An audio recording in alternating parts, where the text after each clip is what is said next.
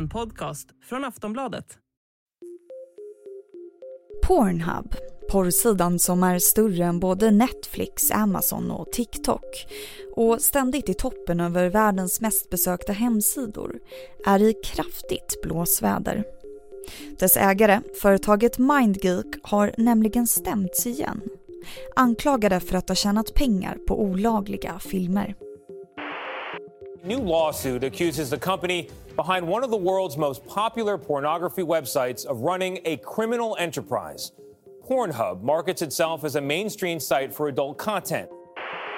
MindGeek has videos of child pornography, rape, assault, and other exploitation victims on its site.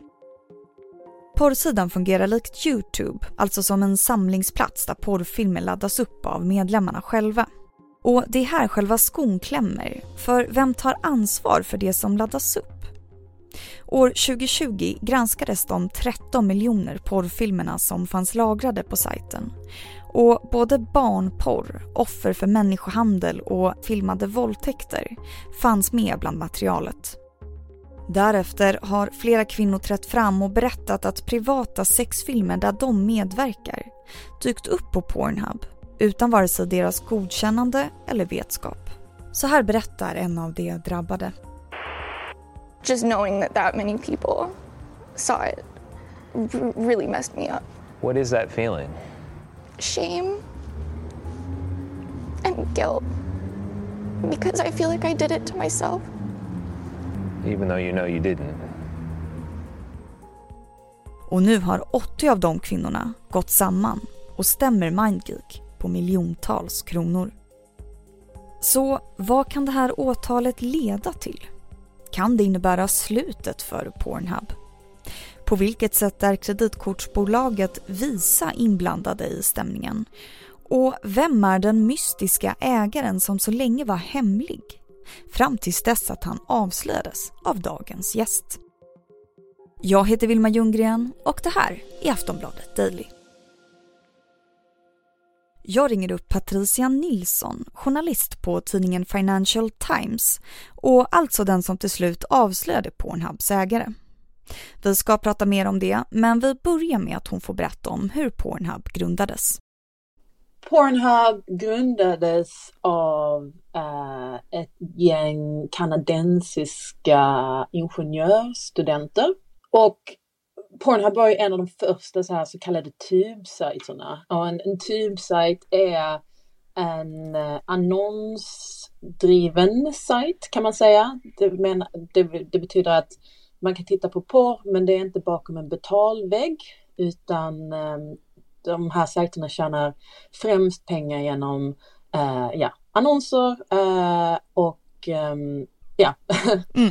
de tjänar helt enkelt pengar som annonser. Alltså det är en, det är en um, det är en affärsmodell som är mer liknande sociala medieföretag, så ungefär samma sak, samma sätt som Facebook tjänar pengar. Om vi pratar lite om ägarna. Eh, 2013 så såldes Pornhub till en man vars identitet länge var hemlig, men som avslöjades av just dig, eller hur? Ja. um, så min bakgrund till det här är att jag började, um, jag började liksom titta på det här företaget MindGeek som äger bland annat Pornhub um, för ett par år sedan och uh, blev väldigt intresserad väldigt snabbt också för att det liksom inte fanns någonting man kunde få reda på om, om företaget. Alltså, deras um, deras liksom struktur var väldigt komplex och så vidare. Och, och jag, när jag försökte lära mig mer om företaget så fick jag helt enkelt ett tips och någon sa att eh, vet du att MindGeek har en hemlig ägare som inte ens många i porrindustrin vet finns. Um, och han gav mig ett namn och jag försökte, jag kommer ihåg, jag försökte googla det här namnet och ingenting kom upp. Jag, jag vill fråga honom igen, liksom, är det här rätt namn? Han bara, du vet, this is your guy. Um, och det tog veckor innan jag ens kunde få tag på någon som ens någonsin hade träffat den här mannen eller kunde berätta, bekräfta att han existerade. Sen tog det flera veckor till att på något sätt kunna um, binda honom till, uh, till MindGeek-koncernen. Men uh, det, det fick vi veta sen, eller det fick jag veta sen att han hade helt enkelt köpt det här företaget nästan tio år sedan och hållit sig så hemlig att det fanns väldigt få personer inom porrindustrin ens som visste att han, att han um, att han fanns. Och just det här var ju möjligt eftersom att MindGeek, man kan nästan säga att MindGeek kontrolleras av eh, investerare som, som håller deras eh, skuld, som äger deras skuld. Um, och när eh, grundaren av, man kan typ säga grundaren av det här företaget MindGeek, han tvingades sälja 2012 för att han um, kom i blåsväder med eh, skattemyndigheter i Tyskland och, uh, och liksom knuffades ut då av investerarna som då valde en ny ägare som var mer lik dem. För den här, um, det som är så intressant med den här uh, hemliga ägaren Bernd Bergmeyer eller Bernard Bergemar, vilket är hans så här porrnamn som man, som man har använt in, inom industrin. Um, han är ju en före detta Goldman Sachs bankir och kände mm. troligt, troligtvis många av de här investerarna sen innan. Och nu så är det ju blåsväder igen, eller hur? Mindgeek stäms ju nu. Vad handlar det om? Mindgeek har ju stämts många gånger. Um, de här företagen har ju varit väldigt kontroversiella länge. Många eftersom att eh, porrföretag har anklagat dem för att stjäla IP, alltså att stjäla videos. För att eh, de här grejerna med tubsajterna, det är ju att det är typ som YouTube, det är ju typ som Twitter, det är typ som Facebook, alltså det är en sida där vem som helst kan ladda upp content. Det är ju inte liksom Pornhubs som sitter där och laddar upp på själva utan det är andra människor som laddar upp filmer till sajten. Eh, och precis som de här sociala medieplattformarna har problem då med moderering och vem är det som liksom, vad får man lov att lägga upp och vem får lov att lägga upp, så har det funnits, varit många eh, diskussioner kring, eh, kring detta just gällande eh, de här tubsajterna och särskilt då Pornhub. Um, det, som, det som har hänt nu är att um, man har börjat prata mer om, eh, om så kallad revenge porn, vilket är ett ganska konstigt uttryck. Eh, jag tycker inte det borde kallas som porn, men det handlar alltså om eh, bilder och filmer som antingen har tagits eller delats utan, utan samtycke med alla som, som är med i de här filmerna. Och ibland handlar det om um, minderåriga som har funnits på, på film och i ett väldigt Eh, ett, ett fall som blivit väldigt känt så handlade om en, eh, om en ung tjej som liksom var exploaterad och det gäller då liksom sex trafficking och, och att hennes, eh, de här filmerna på, på henne hamnade, hamnade på Pornhub. Så de har ju nu blivit stämda ehm, um, om man anklagar Pornhub för att för att ha försökt ett, göra det svårt för um, de här oftast kvinnorna som, som har filmer som hittar filmer på sig själva som de inte vill ska finnas på Pornhub, att det gör det svårt för de här kvinnorna att få bort de här filmerna. Um, och, um, och Mindgeek anklagas också över att ja, just då tjäna, tjäna pengar på det. Um, det är ganska intressant för att Visa har också blivit stämda. Och Visa anklagas då för att uh, ha varit uh, ja, har varit delaktiga i det här och vetat om att det här har varit ett problem ganska, ganska länge. Um, men vad, vad gör Pornhub åt olagliga filmer? Finns det någon policy eller vad säger de liksom? Det finns policies, alltså det här är ju liksom en fråga, eh, det är ju det är lite svårt att veta, ja det finns ju helt enkelt olika, olika åsikter och, och vi får ju se nu vad, vad, eh, vad domaren säger i det här, det här fallet. Alltså det ska bli intressant att se. Um, Mindgeek menar ju att de har några av de mest avancerade eh, så här, AI-filter när det gäller att identifiera minderåriga, eh, att de har system på plats, du vet om det finns, om man hittar olagliga filmer på deras sajter, att det ska finnas system så att, du vet, så att man, så att man ska kunna få bort dem eh, snabbt. Och eh, ett stort kanske försvar från porrindustrin, för det, det är ganska intressant, alltså de här tubsajterna är kontroversiella inom porrindustrin. Det är många inom porrindustrin som som tycker att de har ja, stulit material för väldigt länge, att de har förstört porrindustrin, att det är ingen som vill betala för porr längre för man kan titta på det gratis. Och de, det finns ju många inom porrindustrin också som som menar på att de här tubsajterna ger porrindustrin um, ett dåligt rykte just på grund av att om man har en sajt där egentligen vem som helst kan lä lägga upp filmer så så, så blir det ju att, att det kommer att finnas olagligt material på samma sätt som du har på Facebook eller på samma sätt som du har på Twitter. Um, och, och, och så vidare.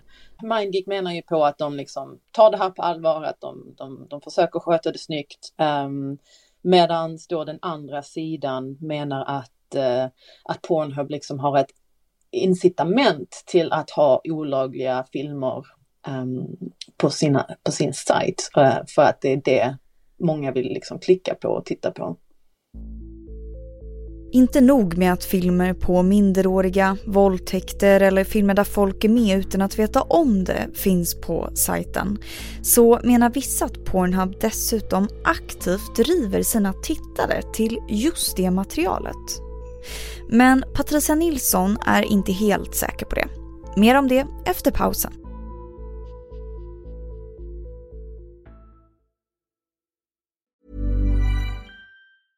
Hey, I'm Ryan Reynolds. Recently, I asked Mint Mobile's legal team if big wireless companies are allowed to raise prices due to inflation. They said yes. And then when I asked if raising prices technically violates those onerous two-year contracts, they said, "What the f*** are you talking about? You insane Hollywood ass." So to recap, we're cutting the price of Mint Unlimited from $30 a month to just $15 a month. Give it a try at mintmobile.com slash switch. $45 up front for three months plus taxes and fees. Promoting for new customers for limited time. Unlimited more than 40 gigabytes per month. Slows. Full terms at mintmobile.com.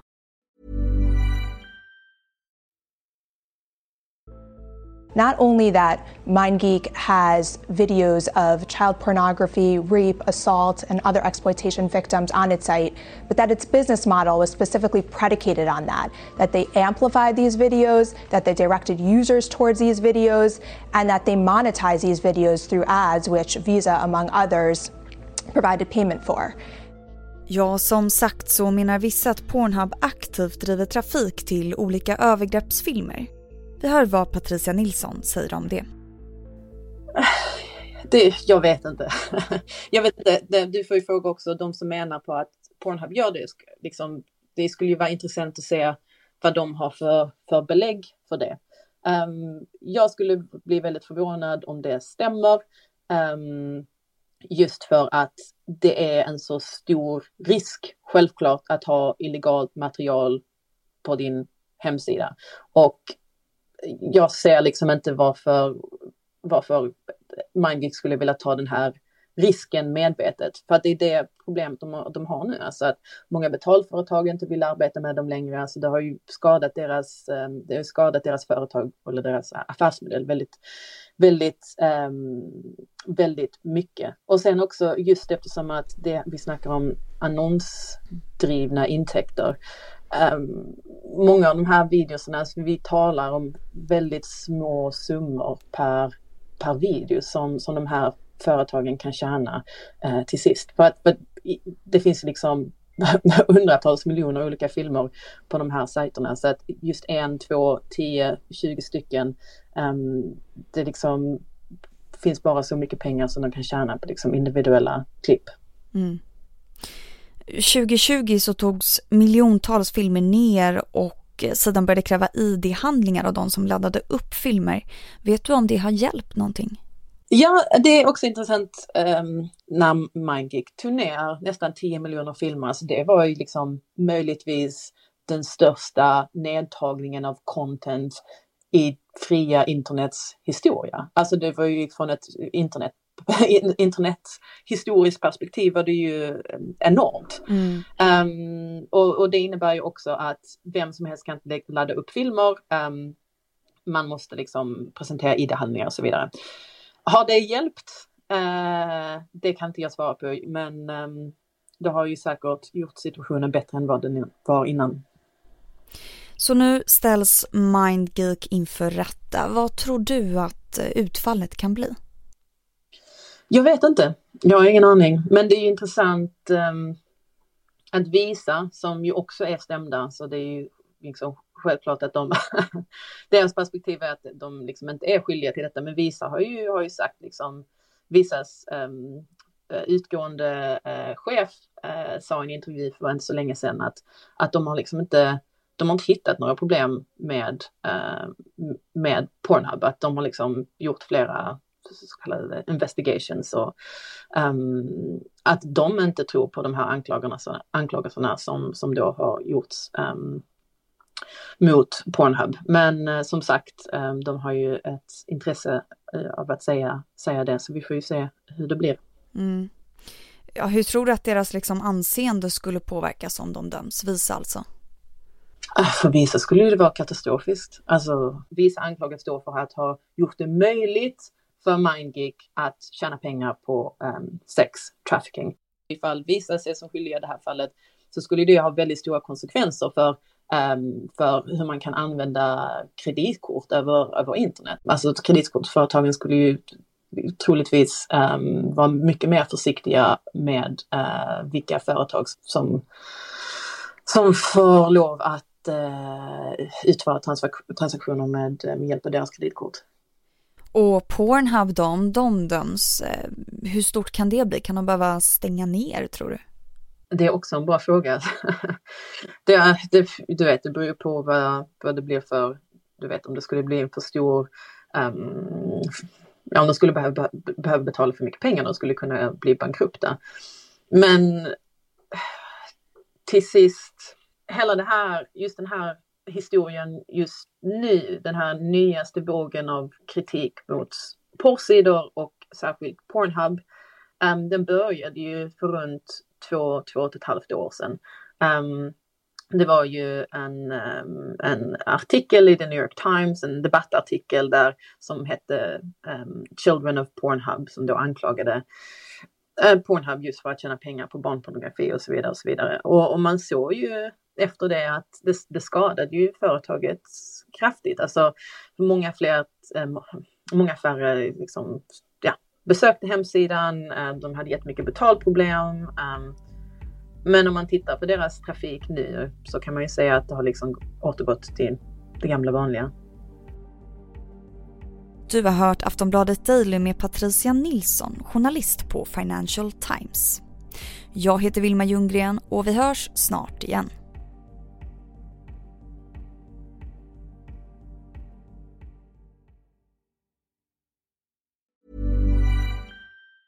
Getting engaged is a moment worth cherishing. A one of a kind ring that you design at Blue Nile can help your love sparkle. Just choose your diamond and setting. When you've found the one, you'll get it delivered right to your door. Finding the right engagement ring can be nerve wracking. At Blue Nile, you'll have the expert guidance needed and a diamond guarantee that ensures you're getting the highest quality at the best price. Cherish all of life's moments and save up to 30% at BlueNile.com. That's BlueNile.com. Du har lyssnat på en podcast från Aftonbladet. Ansvarig utgivare är Lena K Samuelsson. Tired of ads barging into your favorite news podcasts? Good news. Ad-free listening is available on Amazon Music for all the music plus top podcasts included with your Prime membership. Stay up to date on everything newsworthy by downloading the Amazon Music app for free or go to amazon.com slash news ad free. That's amazon.com slash news ad free to catch up on the latest episodes without the ads.